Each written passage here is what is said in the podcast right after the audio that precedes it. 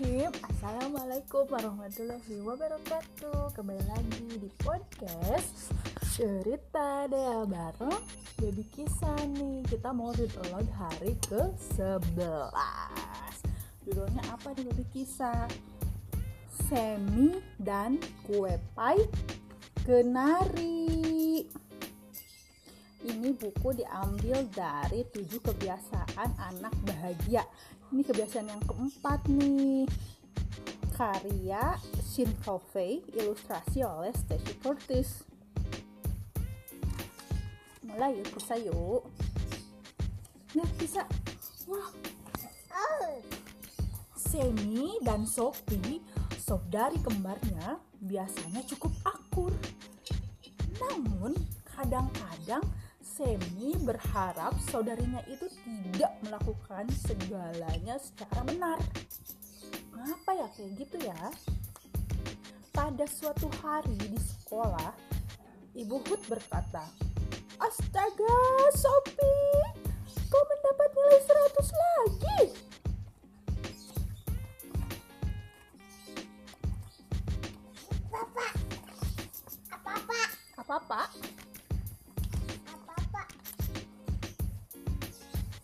Pekerjaanmu juga bagus, Semi, kata Ibu Hud. Semi dapat 80. Sopi dapat 100. Seandainya saja aku bisa mendapat nilai 100 seperti Sopi, pikir Semi. Wah, ada rasa-rasa mulai iri nih. Setelah sekolah usai, semua pergi ke toko permen Mandy. Kita mempunyai 4 dolar dan 50 sen. Berapa banyak permen yang bisa kita peroleh? Tanya Lily sisiku. Gob menjawab banyak. Lalu kata Sophie, kita bisa memperoleh tiga kantung permen karet, dua ulat coklat, dan dua permen loli. Kata Sophie. Wah, Sophie, kau menjumlah cepat sekali, kata Bob. Lalu Jumper berkata, Ya, otakmu pasti besar, Sophie. Seperti bola basket ini. Ya ampun, rasanya punya caudai sepantai itu? Tanya Ali si pembuntut. Entahlah, Semi mengangkat pundak. Baik-baik saja aku rasa sambilnya beranjak pulang. Semi terlihat kesal.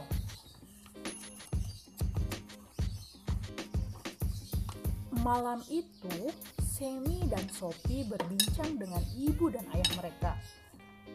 Tahu tidak bu, kata Sophie, lomba mengeja sudah hampir tiba.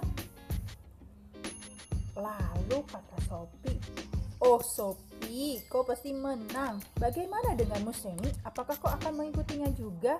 Gumam Semi sepertinya. Sambil dia tidak bersemangat ya teman-teman. Lihat ini lagi makam kisah. Kisah dia lagi makam ya. Malam ini ibu punya makanan pencuci mulut istimewa, kata ibu. Yaitu kue pai kenari.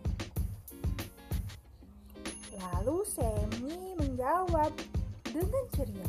Itu kue kesukaanku. Kuharap kalian menyukainya, kata ibu. Mengapa Sophie selalu mendapat potongan yang lebih besar? Dia selalu saja menang, teriak Semi. Semi lalu berlari ke kamarnya dan membanting pintu kuat-kuat. Ibunya mengikuti. Semi marah lihat. Ada apa Semi? Tanya ibu lembut. Tidak apa-apa, kata Semi. Ayolah tupai kecil, ibu tahu bila sesuatu mengganggumu. Sophie selalu saja mendapat perhatian semua orang berpendapat ia begitu pandai. Ini membuatku merasa bodoh. Ibu sedih, kau merasa seperti itu sih. Tapi kau juga pandai.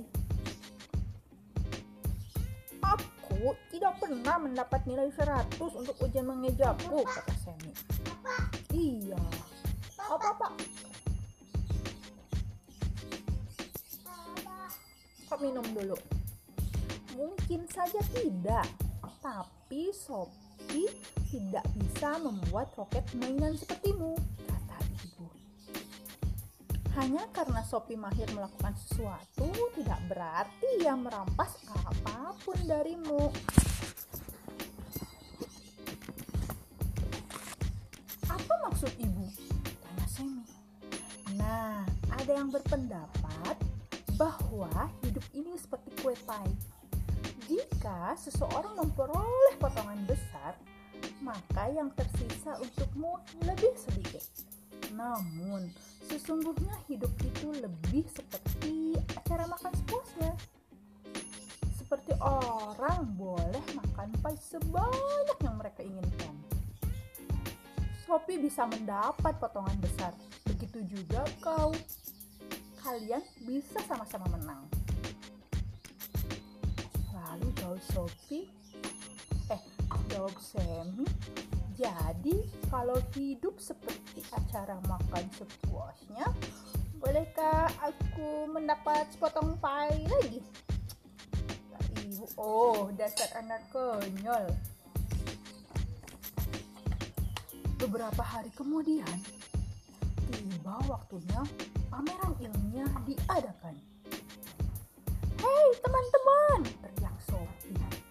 Coba lihat meja semi, menakjubkan sekali. Terima kasih Sophie, kata Semi. Punyamu juga hebat. Wah Sophie, sedayamu begitu pintai, kata Alice pembuntut. Pipi Semi merah merona seperti wajah Sophie, sementara wajah Sophie berseri-seri. Pameran ilmiah hari ini benar-benar hebat, kata Semi saat mereka berjalan pulang. Aku harap ibu masih punya kue pie. Ya, asalkan aku mendapat potongan paling besar, kata Sophie sambil mengedipkan mata pada Semi. Kurasa masih ada cukup banyak untuk kita berdua. Ayo kita lomba yang tiba di rumah paling akhir itu kalah.